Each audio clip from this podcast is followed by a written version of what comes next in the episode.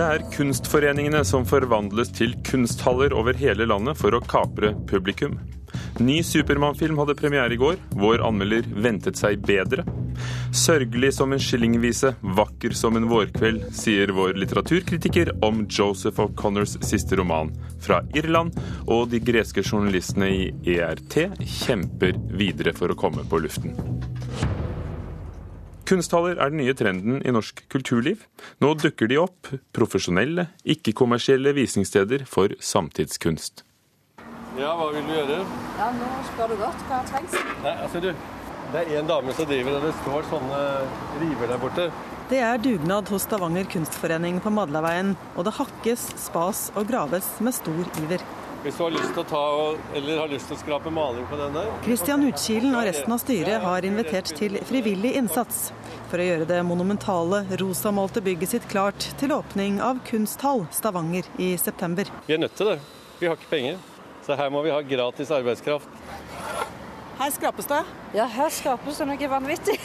Kunstner Maja Øvrebø bidrar gjerne for å ruste opp til kunsthall i hjembyen. Jeg syns det er kjempespennende. Jeg gleder meg i hjel. Jeg kan ikke vente å se hva de skal gjøre. Her er det ribben på loftet. Hva skal det bli for noe her, da? Nei, altså her kunne man jo tenke seg en restaurant. Kunstforeningen i Stavanger har vært nede for telling, med fallende medlemstall og dårlige kritikker. Men nå kommer Hanne Muggås Joakimsen fra New York til Stavanger for å bli daglig leder og kurator.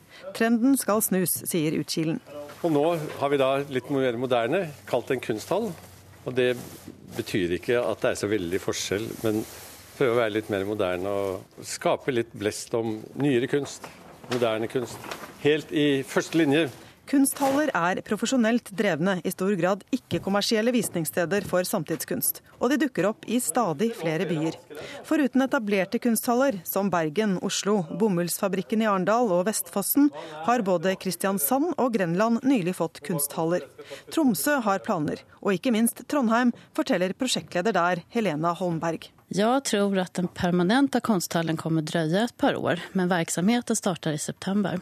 Den skal vise nordisk og internasjonal samtidskonst og være en institusjon for eksperiment. og det fins et museum, og det fins mindre kunstnerdrevne gallerier, men det fins ingen riktig institusjon fristående for samtidskonst. Det har savnet. Dette her, hva skal vi gjøre med det? Skal Kristian Utkilen og Stavanger kunstforening gjøre alt det de ønsker med den ærverdige bygningen som kong Haakon innviet i 1925, så trengs penger. Mye penger. Så hvis noen gir oss 20 millioner, så er mulighetene gode at dette kan bli flott. Og det er en mulighet til å få det til, som jeg ikke vil si noe mer om i øyeblikket, men seriøs mulighet. Både Stavanger og Foreningen Norske Kunstforeninger forventer at regjeringen følger opp signalene fra stortingsmeldingen om visuell kunst som kom i fjor, om støtte til kunsthaller. Men statssekretær Kjersti Stenseng i Kulturdepartementet har ingen konkrete løfter. Det er et felt som trenger å prioriteres i tida framover, og det har også sagt at det, det ønsker oss å gjøre. Det er mye snakk om at vi har mange kulturhus, at vi har bygd mye de siste åra, men det er fortsatt områder der du trenger lokaler. Og innenfor det visuelle feltet så er det absolutt behov for det. Hva som konkret blir prioritert og styrka i budsjettet, det blir jo et budsjettspørsmål som er for tidlig å si. Så at, at vi nå har 20 stykker på dugnad, det er jo helt utrolig. Og det sier jo litt om potensiell interesse, altså. Er det hardt arbeid? Ja, det spørs hvordan du ser det. Bjørn Hindal er en av dem som gjerne ofrer litt fritid for at Stavanger skal få en kunsthall. Det kommer ikke av seg sjøl. Hva syns du om de nye planene om kunsthall? Kjempeflott. Det er nok framtida, det. Og Kunsthall Stavanger åpner 13.9, reporter Anette Johansen Espeland.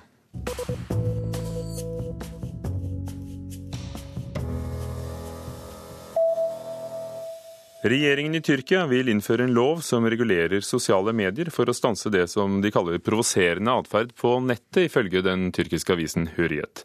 Nettet har spilt en viktig rolle for organiseringen av demonstrasjonene i landet. I går meldte tyrkiske medier at politiet har pågrepet over 200 personer i aksjoner mot mange boliger over hele landet i forbindelse med demonstrasjonene.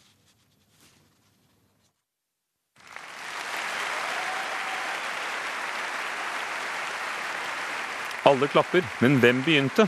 Klapping er nemlig smittsomt og styres av gruppedynamikk og henger ikke sammen med kvaliteten på det det klappes for. Det er forskere ved Universitetet i Uppsala som har filmet studenter under forelesninger, og det viser seg at det holder at ett eller to par hender begynner å klappe før hele salen stemmer i. Forskningen viser at sosialt press styrer hvor hardt og hvor lenge publikum klapper, melder BBC.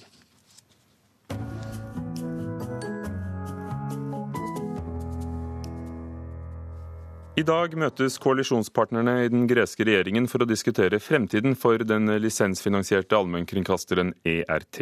De ansatte i radio- og TV-stasjonen fortsetter kampen mot regjeringen etter at statsministeren la ned stasjonen i forrige uke.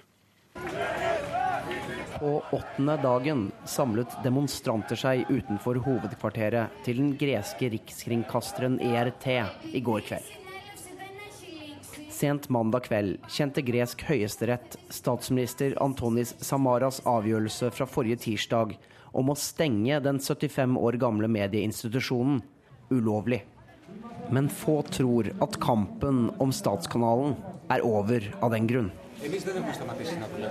Inne i betongbastionen vandrer journalister, redaktører og teknikere rundt hvileløst. Men journalistene har overhodet ikke latt seg stoppe under den ukelange konflikten med statsministeren. We are uh, on air uh, 24/7 uh, for the last, uh, I, I think, uh, yes, one week. There isn't any name. There isn't any name. Programmet har ikke noe navn, forteller den smilende redaktøren Nikos Jonadis, der han sitter foran et tjuetalls TV-skjermer og roper beskjeder inn i mikrofonen til debattlederne i studio. Uh, what we are trying to do here is uh, to keep ERT open, to transmit a signal. Vi gjør ikke annet enn å debattere vår egen skjebne 24 timer i døgnet. Det er mildt sagt en uvanlig situasjon, sier Jonadis. Correct, this is the first time that something like this happens. Nei. Da regjeringen bestemte seg for å stoppe kringkastingen for en uke siden, tok det ikke mange timene før ERT var tilbake på lufta. I alle fall digitalt gjennom streaming på internett. TV-reporter Marina Demartian er stuptrøtt. All that- I think I have slept for about 20 hours in one week. Som journalist har hun et ansvar overfor folket, sier Demartian. Og det gir hun ikke slipp på så lett. We have an obligation to the people to do it as well. We cannot give up. Det er ingen annen logikk bak stengingen av ERT enn at statsministeren vil vise handlekraft, mener hun. I I think it was symbolic. They wanted to say that they they have the will to do it. It was a yes, we can of Antonis Samaras, of the prime minister. Sist helg var greske avisforsider fullstappet med spekulasjoner om hvordan stengingen av ERT kunne føre til regjeringskrise og nyvalg. I dag møtes koalisjonslederne for å stake ut kursen videre for ERT. Statsminister Samaras har omtalt ERT som et uendelig pengesluk. Politisk redaktør Olympiada Olympiti er fullstendig enig i at det må en endring til. Statskanalen har for mange ansatte som gjør for lite, mener hun. The Earth is a very big organization with a lot of people, and I understand that some things doesn't work uh, okay. The changes are uh, very important, do, but not with uh, this way. Men endring kan ikke komme med svarte TV-skjermer, sier Olympiti. Dette er en kamp for demokrati og ytringsfrihet, forteller reporter Marina Demartian. Hun er overrasket over den store støtten folket i Hellas har vist gjennom krisen. Men støtten må vises lenger inn i maktens korridorer. Dersom denne grunnpilaren i det greske demokratiet skal overleve enda 75 år til.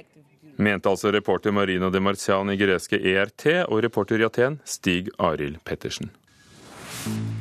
Klokken er straks kvart over åtte. Du hører på Nyhetsmorgen i NRK P2 Alltid nyheter. Entreprenøren Bravidera kvittet seg med avtalen om inkluderende arbeidsliv og fikk mindre sykefravær. Norske sykehus bruker barn som tolker for sine foreldre. Det er farlig å ikke bruke profesjonell tolk, advarer pasientombudet i Akershus. Og en enestående samling klær fra 1700-tallet skal stilles ut for første gang. Det handler om motebevisste bønder og blanke ullstoffer senere i Kulturnytt. En av tidenes superhelter kommer igjen flyvende inn i kinosalen. Man of Steel, Stålmannen, forteller opprinnelsen til Kal-El på jorden, eh, bedre kjent som Clark Kent, eller altså Supermann. Vår eh, anmelder i NRK, Birger Vestmo, lar seg imponere av en del effekter, men eh, ventet seg en film som var enda mer super. What's the S for? It's not an S. How about super? Excuse me. Hvem ber og vær til å fornye Supermann-sagaen enn Zack Snyder? Han er en mester i å formidle forbløffende bilder med digital magi, men ikke fullt så flink til å skildre menneskers indre følelsesliv.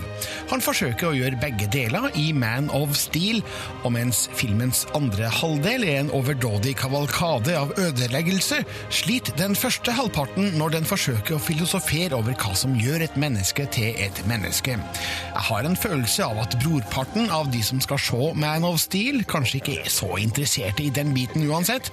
De kommer for å se superdestruksjon, og det får de. What if a child dreamed of becoming something other than what society had intended? What if a child aspired to something greater? Også denne versjonen av sagaen tar til på Krypton, hvor vi ser Jor-El, spilt av Russell Crowe, sende sitt spedbarn ut i verdensrommet like før planeten ødelegges, men ikke før han har fått være romhelt med imponerende rustning og våpen. Deretter kryssklippes Clark Kents barndom, ungdomstid og voksenliv, og forholdet til hans jordlige foreldre, Kevin Costner og Diane Lane. Denne delen av historien er tidvis en ganske sprek skildring av figurens utfordringer og konfliktfylte personlighet. Han er på leiting etter sin sanne identitet, og er i ferd med å finne den, samtidig som reporter Louis Lane, spilt av Amy Adams, finner han.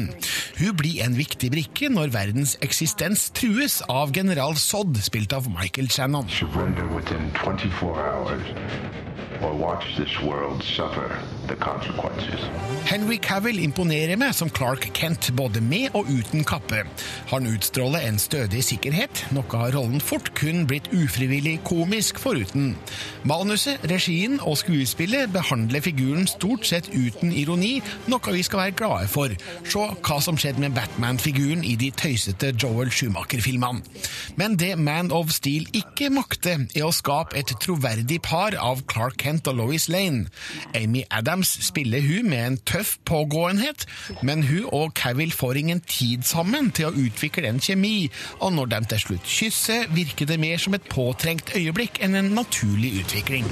About, I just think he's kind of hot. Den siste timen av filmen er en effektbonanza. Med Zack Snyder bak kamera er det duka for en visuell fest av virtuos ødeleggelse. Men for mye av det gode er som kjent uheldig, og Snyder kjenner ingen begrensninger.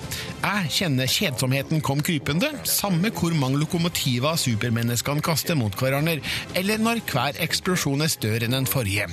Effektene er imponerende, ja visst, men etter en stund slutter sekvensene å være spesielt spennende og blir til en digital 3D-graut. Til tross for noen innvendinger syns jeg Man of Steel likevel er en kul film. Den oppfyller kravene som gjerne stilles til en sommerlig blockbuster, med heftig superheltaction, episk utseende og flere kjente fjes foran kamera. Det er bare det at med Christopher Nolan som både manusforfatter og produsent, hadde jeg håpa et kvalitetsnivå nærmere The Dark Knight-trilogien. Man of Steel hadde trengt et sterkere fokus på Clark og Lois, og litt mer sofistikert effektbruk. Jeg håper Supermann kommer tilbake, og at kvaliteten da kan heves enda et hakk.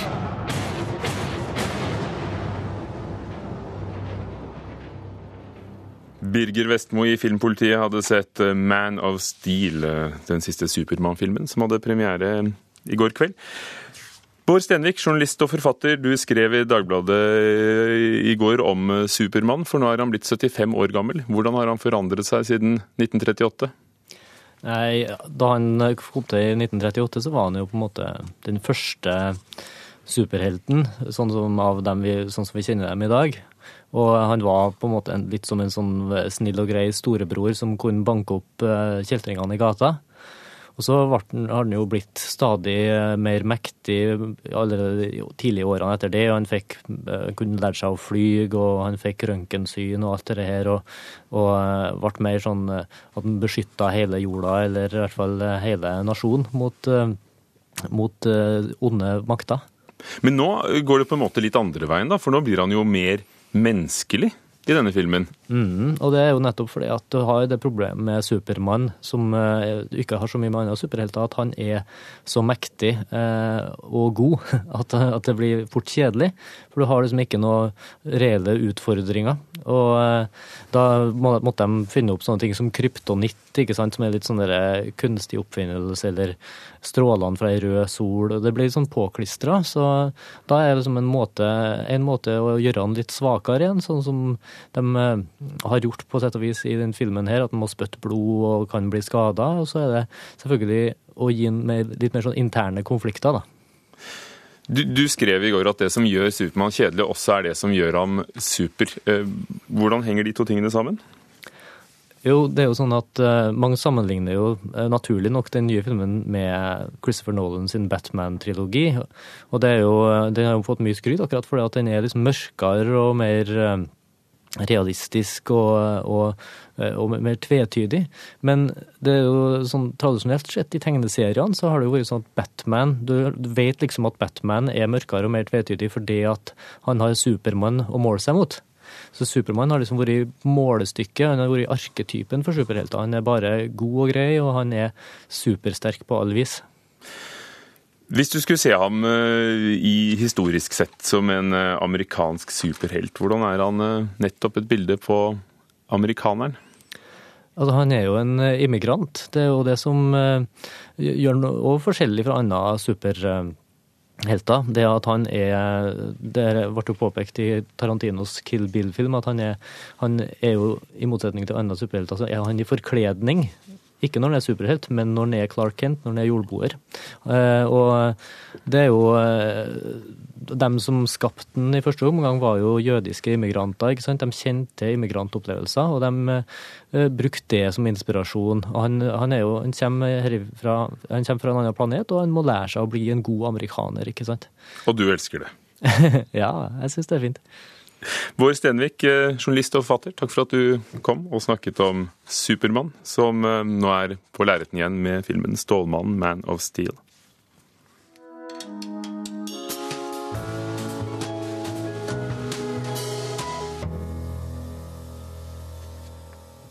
Den den irske forfatteren Joseph O'Connor tar seg alle friheter når han skriver frem kjærlighetshistorien mellom to av Irlands kjente teaterskikkelser.